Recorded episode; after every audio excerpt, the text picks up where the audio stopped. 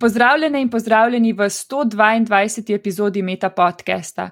Danes je z mano že spet preko spleta Angelika Vižintin. Angelika je raziskovalka na Fakulteti za elektrotehniko Univerze v Ljubljani, doktorski študij pa upravlja na programu bioznanosti Smer znanosti o celici. Živijo, Angelika. Zdravo, hvala za vabilo. Kot ponavadi, moje prvo vprašanje, lahko za začetek na kratko razložiš, s čim se ukvarjaš, kaj raziskuješ. Zaposlena sem v laboratoriju za biokibernetiko na fakulteti za elektrotehniko in nekako celotna naša skupina se primarno ukvarja z elektroporacijo. To je pojav, zaradi delovanja kratkih električnih pulzov postanejo celične membrane bolj prepustne, kot so običajno. Namreč ravno to, da ta membrana, ki obdaja celice in loči celico od zunanjega okolja, je nekako osnova življenja, kot ga poznamo na Zemlji. Zato, ker ta celična membrana se je izoblikovala tako, da prepušča nekatere snovi, kot so vem, voda ali pa kisik, plini CO2, tudi drugo smer, konec koncev, ali hranila, kot so glukoza, kakšne aminokisline, da prehajajo lahko v ali iz celice.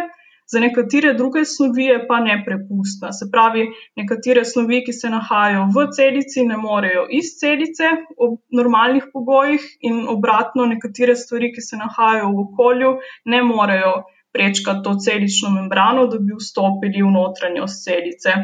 In obstaja pa nekaj načinov, kako v bistvu celico prisilimo, dajmo reči tako, da nekatere snovi, ki sicer ne morejo prehajati membrane, da lahko vseeno vstopijo vanjo, ali pa tudi v obratni smeri, to recimo, kadar uporabljamo celice, lahko bakterijske, lahko tudi kakšne druge, da proizvajajo neki produkt, naj bo to, ne vem, kakšno barvilo, zdravilo, karkoli, in potem hočemo ekstrahirati, ta produkt iz celice, tudi hočemo v obratni smeri, se pravi, pobrati to iz celice. In tukaj si lahko pomagamo med drugim tudi z elektroporacijo.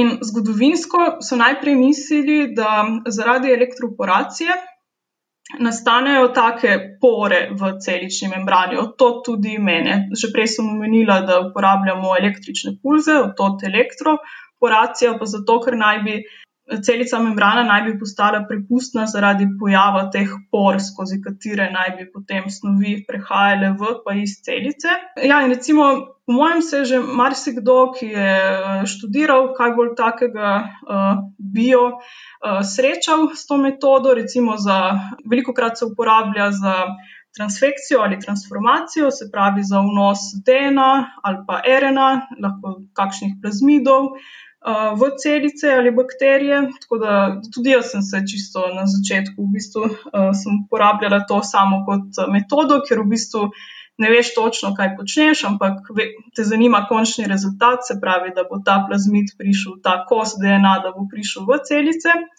Ampak nekaj ljudi na tem svetu, nas pa dejansko zanima ozadje tega, kaj se pravzaprav dogaja tekom samega procesa. In kar recimo se je ugotovilo skozi leta, je to, da izgleda, da niso samo te pore v lipidni membrani odgovorne za ta pojav povečane prepustnosti, ker namreč, če bi to bilo tako, te pore bi obstajale za čas, kolikor so dolgi ti električni pulzi, pa ti pulzi so zelo kratki. Recimo jaz uporabljam pri svojem delu celo pulze, ki so dolgi le nekaj nanosekund, to je izredno kratek čas. In potem, če bi vse bilo v teh porah, bi se tekom teh nekaj nanosekund, pore bi se vzpostavile, ampak potem, ko izklopimo električno polje, bi se te pore tudi zaprle, ne. Ampak vidimo pa, da ta prepustnost pa traja tudi nekaj minut za tem, ko teh električnih pulzov ni več, kar pomeni očitno, da še prihaja do vrste drugih sprememb, na celični membrani, da lahko vseeno molekule še prehajajo skozi. In, to je tudi eno od vprašanj, s katerimi, s katerimi se ukvarjam tekom doktorata. In v bistvu sem že omenila prej eno tako aplikacijo tega, to je recimo vnos DNA ali pa RNA v celice. Ampak se elektroporacija se uporablja še za vrsto drugih stvari. Um, omenila sem že recimo ekstrakcijo molekul iz celice. Uh, pa tudi ena taka zanimiva stvar, s katero se je verjetno skoraj vsak od nas že srečal, pa niti ne ve. Uh, krompirček za pomfri v praktično vseh teh uh, verigah hitre prehrane je obdelan z elektroporacijo, zato ker so ugotovili, da na ta način pri lupljenju se noži, ki jih uporabljajo, oziroma rezila, imajo potem daljšo življenjsko dobo, pa manj olja tudi eh, potem posrka tak krompirček in te, ta podjetja ne zanima toliko to, da je potem. Nekoliko bolj zdrav, ker je manj olja, ampak enostavno oni potem porabijo manj olja pri uh, pripravi tega pomfrija. Torej, si na nekem takem zelo zanimivem področju, ki, saj meni, kot lajku, bi se mi zdi, da združuje na nek način biologijo in fiziko.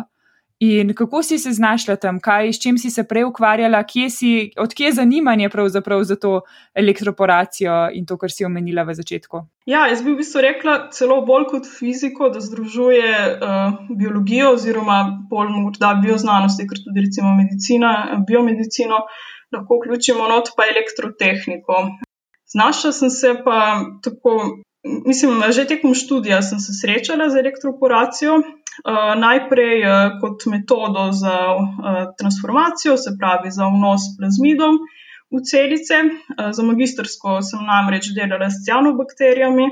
To so bakterije, ki upravljajo fotosintezo, se pravi ta isti proces kot v rastlinah, kjer CO2 pa sončno energijo potem pretvarjajo v neka organska hranila, pa kisik. In smo potrebovali eno metodo za vnašati kose DNA v te cianobakterije, in to je bila elektroporacija. Bolj kot ne slučajno, pa potem tudi, še preden sem magistrirala, sem se preko Ameriško-Slovenske izobraževalne fundacije ASEF, sem preko njihovega štipendijskega programa bila na raziskovalnem obisku v ZDA pri um, profesorici Mihajli Pavličev. In tudi tam smo pa za človeške celice, konkretno smo delali na enem projektu s celicami človeške placente in smo s pomočjo elektroporacije vnašali ene take kar velike kose DNA v bakterije, da smo jih v bakterijah namnožili, pa potem smo jih uh, iz bakterij še v človeške celice. In tu je spet bolj kot ne slučajno, da uh, smo delali z elektroporacijo, ker obstajajo tudi ene druge metode za vnos. V tem konkretnem primeru je bila sicer elektroporacija iz določenih razlogov najboljša. Ampak potem, kako sem se pravzaprav znašla tukaj, ker sem trenutno je skoraj da čisto na ključje, zatem, ko sem magistrirala, Poli zasedila sem uh, ta oglas na fakulteti za elektrotehniko in uh, iskali so nekoga s stvarmi, uh, z znanji, ki sem jih jaz bolj kot ne slučajno imela. Ne? Naprimer, elektroporacijo sem omenila, sem bolj kot ne slučajno že prej uporabljala, pa še ene druge metode. Tako da sem se pač prijavila na ta oglas in sem bila izbrana na razpisu, in uh, tako se je pravzaprav začelo. Najprej je bilo v bistvu mišljeno, da bi ta začetni oglas je bil samo za eno leto za delo na enem projektu, ampak eh, potem so mi tudi ponudili, da ostanem v skupini in tudi da upišem doktorat. In um, sama si že omenila, ne, da ta, to metodo elektroporacije lahko uporabljamo za ali um, dodajanje nečesa v celice, kakršne koli že so, v različne vrste celic, ali pa tudi zato, da bi nekaj iz celic ven dobili na nek način. Ne? Ampak tebi v bistvu, ti si se s, te, s to metodo, če sem prav razumela, uh, seznanila tekom dela, ko so te neke druge stvari zanimale, ampak si v bistvu samo to metodo uporabljala kot eno izmed teh, da lahko prideš do tistih, uh, da lahko odgovoriš na tista ostala vprašanja, potem pa si se znašla na področju, kjer dejansko metodo raziskuješ. In me zdaj zanima, kaj pa. Kaj kaj pa se dogaja na tem področju, oziroma kaj so pa res tvoje raziskovalne vprašanja o elektroporaciji? Ja, točno tako je, kot si povedala. Tako da zdaj pravzaprav eh, ne uporabljam te metode kot, nek, eh, kot neko črno škatlo, samo da dosežem svoj rezultat, ampak se pravzaprav se poglabljam v metodo samo, kaj se zgodi, ne, ko te električne pulze apliciramo na celice. In uh, moj doktorat ima nekako tri glavne hipoteze. Se pravi, bistvo mojega doktorata je, da elektroporacija se že uporablja na različnih področjih, ampak se uporabljajo določene pulzi, električni pulzi z določenimi lastnostmi. In to so predvsem pulzi, ki so dolge tam od nekaj mikrosekund do nekaj milisekund. V zadnjem času pa so zaradi um, napredka v razvoju samih teh pulznih generatorjev pa smo zdaj zmožni dovajati še bistveno krajše pulze eh, v območju nanosekund, tudi krajše so že šli, tudi pikosekunde. In uh, tudi pa recimo ene take pulze, rečemo jim bifazni pulzi, se pravi, ki enemu kratkemu pozitivnemu sledi še en kratek negativen, se pravi, da hitro obrnemo smer pulza. In kaj se je izkazalo, da taki pulzi imajo nekoliko drugačne lastnosti kot tisti, da jim reči, običajni daljši, te mikrosekundni pa milisekundni pulzi. In naprimer, ena taka aplikacija elektroporacije je elektrokemoterapija. In pri elektrokemoterapiji gre pravzaprav za kombinacijo teh električnih pulzov in nekega zdravila, nekega kemoterapeutika, ki sam po sebi zelo slabo prehaja skozi celično membrano, s tem, ko pa mi območje tumorja, izpostavimo električnim pulzom, dosežemo, da zdravilo, to, ta kemoterapeutik, da vstopa uh, skoraj da izključno samo v te celice, ki so bile elektroporirane. Tako da je to en tak način za bolj tarčno, lokalizirano zdravljenje raka.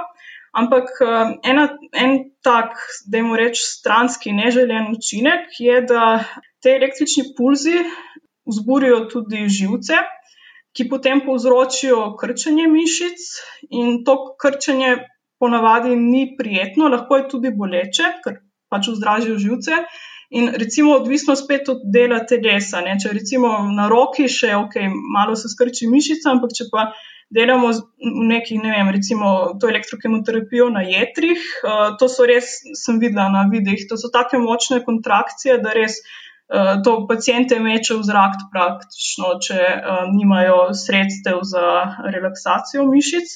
In s temi zelo kratkimi pulzi, oziroma s temi bifaznimi, ki sem jih prej omenila, pa mislimo, da se lahko uh, izognemo, oziroma da lahko zelo, zelo zmanjšamo te mišične kontrakcije, mišično krčenje. Imajo pa še nekaj drugih uh, da jim reči, pozitivnih lastnosti, oziroma zakaj so boljši od teh konvencionalnih pulzov. Naprimer, um, izkazalo se je, da um, se izloča manj kovinskih uh, ionov, pa tudi manj drugih elektrokemijskih reakcij, ker uh, pri elektroporaciji moramo.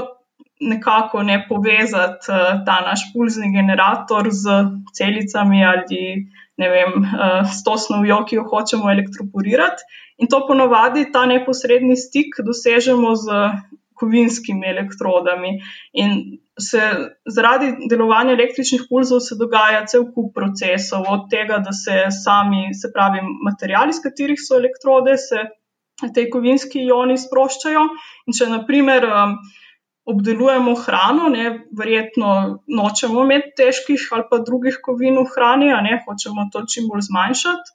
Ali pa recimo v medicini je en drug problem, da nastajajo mehurčki pri tem zaradi elektrolize. In uh, spet, če delamo to elektroporacijo v recimo neki žili, nočemo imeti mehurčkov, ker je lahko to smrtno nevarno, te mehurčki. Tako da smo ugotovili, da s temi krajšimi pulzi v bistvu lahko neki teh uh, slabosti, ki se pojavljajo pri daljših pulzih, nekako jih um, premustimo in zato so zanimivi za proučevanje. Uhum. In če, če prav razumem, v bistvu imaš na nek način uh, pri uporabi te elektroporacije, če uporabljaš v terapevtske namene, ne omenila si elektrokemoterapijo ali kako si se izrazila. Uhum. Ja, elektrokemoterapija. Ja. Uh, v bistvu imamo, zgleda metoda zelo uporabna, ampak ima kar hude na nek način, če si rekla, da, da lahko človeka res um, kar na električni na nek način, ima lahko hude stranske učinke in ti se jih na nek način raziskuješ prav metodo, da bi videla, ali lahko na isti učinek same metode, torej da, da, da postanejo celične membrane prepustne, dosežeš z nekim drugačnim načinom elektroporacije. Ne, sem prav razumela?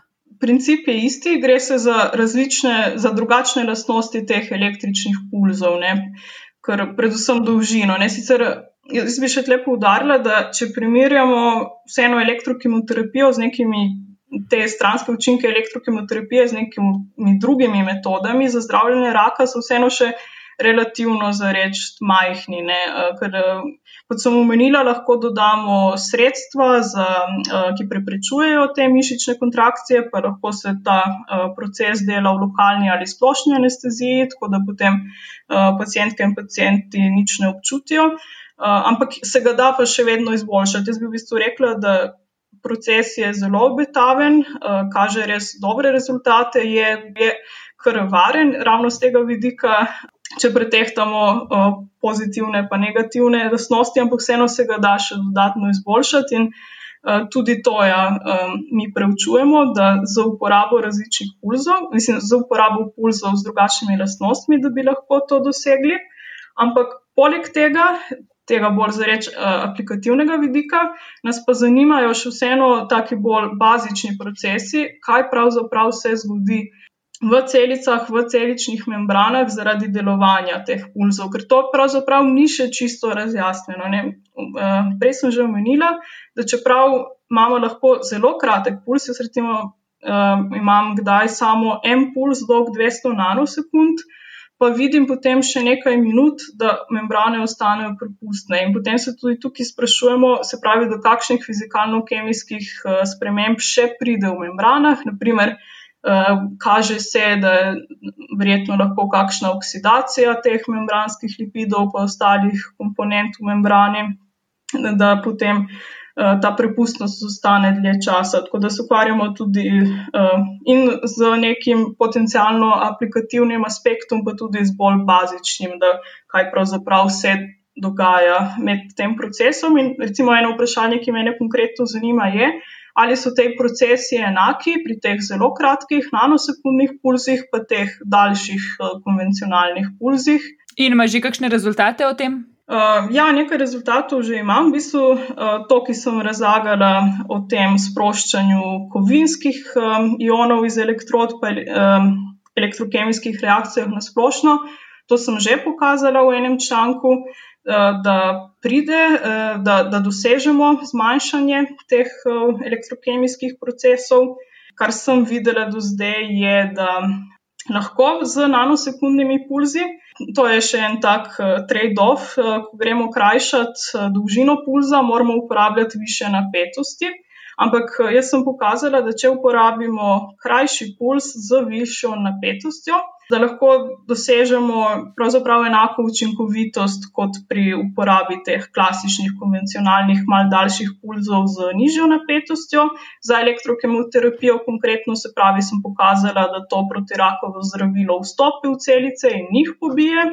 Zdaj, nekako v zadnjem delu, pa me čaka še bolj to um, mehanizme raziskovati, uh, ravno uh, kaj pravzaprav se dogaja v celičnih membranah. Torej, eh, kako pa to pravzaprav ti preučuješ? Imáš eh, neke celične kulture in potem dodajaš te pulze, ali to v kakšnih, eh, na kakšen način, v bistvu, kakšna je ta metoda, da sploh lahko to spremljaš? Ja, jaz konkretno delam s celičnimi kulturami, to se pravi, to so um, celice, ki so bile vzete iz določenega tkiva, iz določenega organizma in jih potem gojimo v laboratoriju, tako da nam ni treba uh, uporabljati živali ali pa kosov tkiva, ker drugače, recimo, eni moji sodelavci delajo raziskave tudi tako, ja, da pač kupijo pri mesarju, ne vem, kos jeter, kos mišic kdaj tudi kakšne take poskuse, ali pa tudi na drugih organizmih, ne, tudi recimo rastlinsko tkivo, bakterije. Ampak tako praktično, kako to zgleda, se pravi, te celice damo med elektrode, ponovadi so to kovinske elektrode, in spet lahko, to, lahko imamo te celice v tekočini, da potem damo to kapljico ali pa nek volumen te tekočine med elektrode, lahko pa recimo, ne vem, če imamo jedra ali pa kos krompirja, pa zapičimo te elektrode not.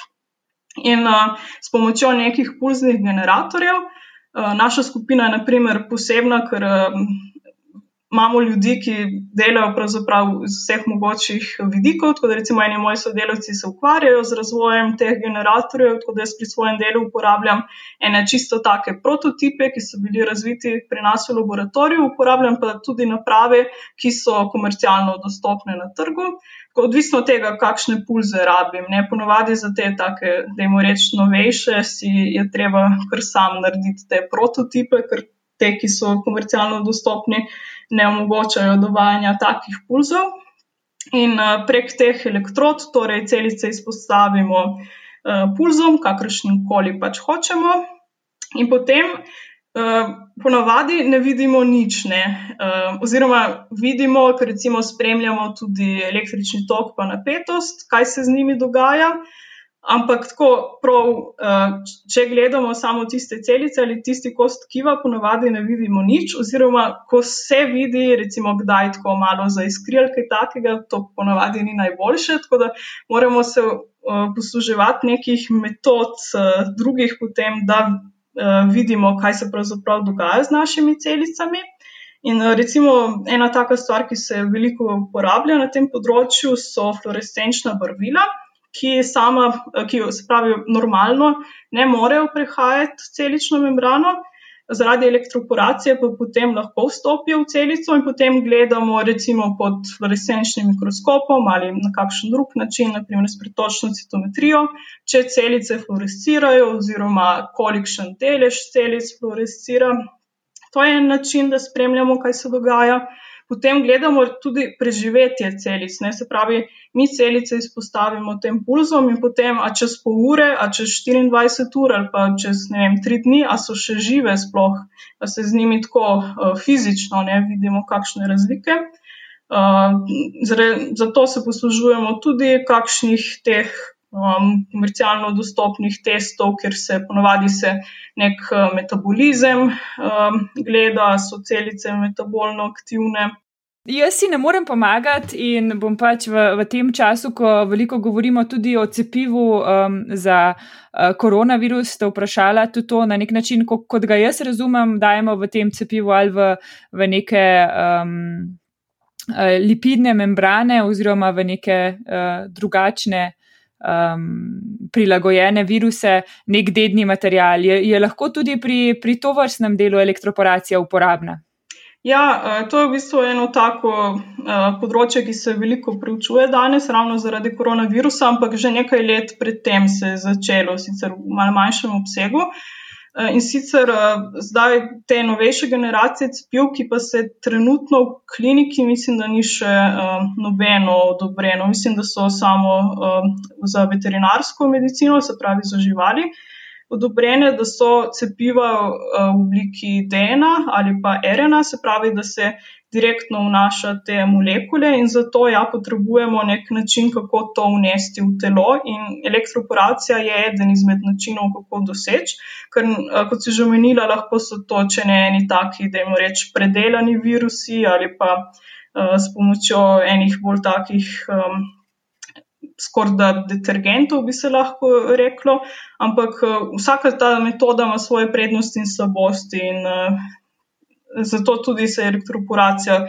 preučuje kot eden izmed mogočih načinov, ker trenutno ta, ki se najpogosteje uporablja s temi virusi, ima svoje slabosti, ki pa jih uh, lahko uh, elektroporacija zaobide, nekatere od njih. Ali se spomniš kakšne zabavne ali zanimive anekdote povezane s svojim mentorjem, ali pa morda kakšne nenavadne, smešne anekdote, ki se je zgodila tekom tvojega raziskovalnega dela v sklopu doktorata? Ja, ena taka stvar, ki mi pade na pamet. Eh, lani septembra smo bili na eni znanstveni konferenci v Franciji. In uh, na tej konferenci je potekalo več uh, sekcij hkrati, ne se pravi, da ob isti uri so se v štirih različnih predavalnicah, eh, različna predavanja so bila. In uh, jaz sem šla pač na eno drugo to sekcijo poslušati. Um, eno mojo sodelovko, s katero sem se potem pogovarjala, pa je poslušala predavanje od mojega mentorja. In um, potem smo se pogovarjali, kako so bila ostala predavanja in tako dalje. In so v bistvu prišli do tega, da uh, to predavanje, ki sem ga jaz poslušala, pa predavanje od mojega mentorja, ki se je zanimivo. Istočasno so se dogajali, sta se dogajali ti dve predavanji, samo v različnih predavalnicah, da sta oba dva predavatelja um, nekako celotno predavanje um, koncipirala na tem tako imenovanem duck testu, se pravi, if it looks like a duck, swims like a duck, walks like a duck, then it's probably a duck. Tako, to se nam je potem zdelo smešno, ko smo se pogovarjali, ne, da na isti konferenci istočasno sta dve predavanji bili sestavljeni na podlagi tega, čeprav na različno temo, ne obe predavanji. Kako so se od opisa do danes spremenila tvoja pričakovanja glede doktorskega študija in ali bi se ponovno odločila za doktorski študij? Uh, jaz mislim, da bi se ponovno odločila, bi se pa mislim, da pod uh, mal drugačnimi pogoji. Recimo, kako so se moje pričakovanja spremenila, bi rekla predvsem sem mislila, da bo nekoliko manj stresno, kot je. Kar sem vmes ugotovila, ker sem pravzaprav um, nisem mlada raziskovalka, sem zaposlena na nekih projektih, uh, pa še uh, delam doktorat. In um, takrat se mi je zdelo, da je pravzaprav več ali manj isto ne, za me. Ker šolnino imam plačano prek te scheme za subvencioniranje, pa tistih pol nekaj procentov, kar to ne pokriva, mi potem delodajalec plača. Tudi za konference, pa to mi tudi uh, potem služba krije te stroške, ampak sem potem vseeno ugotovila v teh uh, dobrih dveh letih, da ima status uh, mladega raziskovalca oziroma mlade raziskovalke vseeno kar nekaj prednosti. Tako da, če bi se uh, ponovno odločila za doktorski študij v Sloveniji, bi raje uh, bila mlada raziskovalka, Pa ravno to, ker kot sem že omenila, jaz se pravi primarno delam na nekih projektih in se moram tudi držati eh, časovnic teh projektov, se pravi, da uh, pač delam, kar je treba delati za projekt. Ne? Tako da se mi zdi, da sem zaradi tega tudi kar pod uh, večjim pritiskom kot uh, ravno kakšne mlade raziskovalke, mlade raziskovalci, ki vseeno se primarno fokusirajo res na to, kar delajo za doktorat. Pa, Ehm, imajo načeloma te štiri leta časa, se, se na koncu itak. Uh, Večini mislim, da kar malo zmanjka časa, zelo redki so te, ki prečasno doktorirajo, ampak vseeno se mi zdi, da imajo več svobode na tem, recimo, kdaj se česa lotiti. Pa, uh, Glede samega študija, pravzaprav sem vseeno upala, da bo nekoliko bolj uporaben kot na koncu je bil, ker pravzaprav sem imela en predmet, mogoče en pa pol, recimo, da sem dejansko se naučila nekaj, kar je uh, potem uporabnega pri mojem delu iz teh predmetov, ki jih imamo tekom doktorskega študija. Večina predmetov pa je bila, bi lahko skoraj da rekla, zguba časa. Ok, se ene stvari bi mogla tako ali tako narediti, pa potem sem imela vsaj uh, še ta predmet, da mi je dal nek rok, ne, da sem se lotila te stvari. Ampak za ene te predmete sem pa v bistvu mogla delati tudi stvari, ki so bile čisto nepovezane na koncu in um, mi niso prišle prav. Tako da, če, če že se gremo ta sistem s temi predmeti, bilo po mojem fajn te programe narediti res tako, da pač. Um, Da, so, da, da ne zgubljaš časa, ampak da delaš nekaj, kar ti pride prav za sam doktorat, ali pa če že, da ti za reč uh, prinese vsaj nekaj takega splošnega znanja, odpira obzorje ali karkoli. No, sej, zdaj si se že z nekim predlogom skoraj da navezala na naslednje vprašanje. Uh, če bi imela priliko iti na kavo s predsednikom vlade, kaj bi mu predlagala, da izboljša na področju znanosti? Ja, um, pravzaprav mislim, da to, sam, kako so sami študijski programi sestavljeni, sicer ni ravno v domeni predsednika vlade. Ampak, eh, kaj bi konkretno rekla predsedniku vlade, je to, da eh, je vsekakor treba povečati financiranje v slovensko znanost. Še vedno smo na repu, če gledamo procent BDP-ja, če primerjamo z ostalimi državami, članicami Evropske unije, smo še vedno na repu po financiranju znanosti ampak poleg te vsote denarne, ki jo namenjamo, je pa tudi zelo pomemben potem način, kako se ta sredstva delijo. Tudi to bi potrebovali kar veliko prenovo tega sistema, kako se prek Agencije za raziskovalno dejavnost v Sloveniji delijo ta sredstva.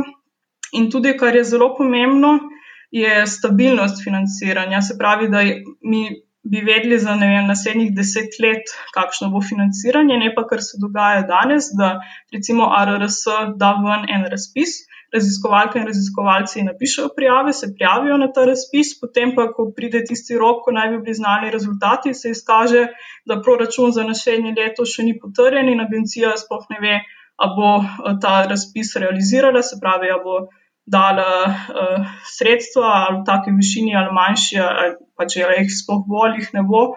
Uh, to se mi tudi zdi nedopustno, da se dogaja, ne, da bi financiranje vsekakor moglo biti večje, pa bolj stabilno. Bi drugim doktorskim študentom ali študentkam predlagala kakšno tehniko za upravljanje s časom ali pa morda računalniški program, ki ti olajša delo in ti prihrani čas? Ja, jaz uh, en tak nasvet bi vsekakor bil, Eh, da nimate potisnih sporočil od maila, od službenega maila, predvsem, ker se mi zdi, da danes smo se malo preveč razvadili na to, da mora biti vse instant, da vsi takoj pričakujejo odgovor, ampak izkaže se, da velika večina stvari sploh ni nujnih in da. Pravzaprav uh, ne pustite si, da vam drugi s tem, ko vam pošiljajo maile, uh, diktirajo, Eh, kaj boste v katerem trenutku počeli, ampak ta mail uh, po možnosti sklopite ali pa res vsaj brez potisnih sporočil, ker sploh, uh, ko se hočemo lotiti delati nečesa, kar nam v tistem trenutku ne najbolj diši, tako iščemo vsak izgovor za prokrastinacijo. In če pač recimo, da ti pišeš nek članek ali karkoli in vidiš tisto potisno sporočilo, tudi če nimaš namena zdaj ta trenutek odgovoriti na ta mail, začneš tako podzavestno razmišljati, kaj ta oseba oseba hoče od tebe, in tako dalje. Tako da jaz bi svetovala to, da si izklopiti vsaj potisno sporočilo ali pa po možnosti kar uh, mail na splošno in uh, internet ali pa vsaj uh, ustaviti sinhronizacijo aplikacije na uh, mobilnem telefonu, ko se nečesa hočemo uh, lotiti. Delati, ker po mojih izkušnjah to zelo pomaga pri produktivnosti. Pa še ena taka stvar, eh, ki bi jo svetovala, je uporaba teh um, uh, Google učenjak. Ima možnost, da si nastaviš uh, opozorila glede na neke ključne besede, pa ti pol na vsake, ne vem, 3-4 dni. Z neko frekvenco ti pošilja, kaj je bilo novega objavljenega, ki, vsebuje tiste ključne besede, in to je tudi en tak super način za potem slediti novim objavam z področja. Uh, še zadnje vprašanje. Priporočilo za knjigo, igro, film, spletno stran ali podcast? Ja, um, za tiste, ki jih zanima še več takih nasvetov in glede produktivnosti in tako nasplošno, um, kako strukturirati ta svoj znanstveno-raziskovalni proces, pa tudi um, čisto. Eh, tudi širše, ne samo omejeno na znanstveno raziskovalni proces, tudi za recimo kakšno projektno delo, pa to priporočam knjigo z naslovom Creativity and Research. Eh, pod naslov knjige je Cultivate Clarity, Be Innovative and Make Progress in Your Research Journey. Uh, sem dejansko sem poskusila nekatere od teh nasvetov in bi rekla, da so koristni, pa če ne drugo, tudi um, mi je bilo všeč, da uh, kakšna ta občutja, s katerimi mislim, da se skoraj da vsi soočamo tekom doktorata, da ugotoviš, da, pač, da nisi to samo ti, ampak da več ali manj vsi smo bili na tej točki in kako tudi se potem premakniti naprej. Potem um, od uh, filmov bi pravzaprav priporočila eno serijo, eno uh, švedsko-francosko serijo z naslovom Midnight Sun. Midnight Sol je v švedščini in uh, dogaja se na severu Švedske, uh, tako imenovana pokrajina Sapmi. Mi v slovenščini bolj poznamo pod imenom Laponska, ampak um, lap izhaja iz uh, take žaljive uh, švedske besede za samije, torej za Laponce, tako da nekako bolj politično korektno, da jim reč uporabljati uh, Sapmi za pokrajino, pa sami za to um, avtohtono ljudstvo, ker tako oni sami sebi rečejo. In tekom te serije um, je, je tak uh, napet uh, Nordic Noir, tako da tistim, ki je všeč ta žanr, bo že zaradi tega všeč. Ampak poleg tega je, uh, mi je bilo res všeč ravno to, da odkriješ uh, veliko novih stvari o samih, uh, tudi. Švedinje in švedi so rekli, da so zvedeli marsikaj novega kar niso vedeli prej, pa recimo to, da to mesto Kiruna, kjer se uh, dosti odvija ta serija. Uh, To, to se dejansko dogaja v praksi. Tam je en rudnik železa in uh, ta rudnik zdaj širijo, pa mesto premikajo zaradi tega. Ne? Pa če ene take stvari izveš, uh, se mi zdi, da je kar fajn. Uh, potem od uh, podkastov sem pa zdaj uh, začela poslušati tale dokaj nov um, podcast od RTV-ja o notranji politiki, umetnost možnega, pa mi je kar všeč. Uh, poleg tega pa priporočam še, da spremljate Radio Student. Uh, tudi sama sem sodelovka Radio Studenta, uh, znanstvene redakcije Radio Student. In mislim, da delamo res dobre prispevke, ne samo, o znanosti, ampak nasplošno kot cel radio, tako da priporočam, da spremljate. Super, hvala, Angelika. Poslušali ste Meta podcast, v katerem se pogovarjamo z mladimi znanstveniki in znanstvenicami z različnih področji znanosti. Podcast domuje na spletišču metinalista.si, kjer najdete tudi druge zanimive znanstvene vsebine. Naše delo lahko podprete z donacijo Metini listi, pohvale, pripombe in predloge lahko posredujete po e-mailu znanost.afna.metinalista.si. Dobrodošli so tudi komentarji na Facebook profilu Metina Liste in na Twitterju Afna Metina Lista, kjer uporabite hashtag MetaPodcast. Se slišimo čez 14 dni.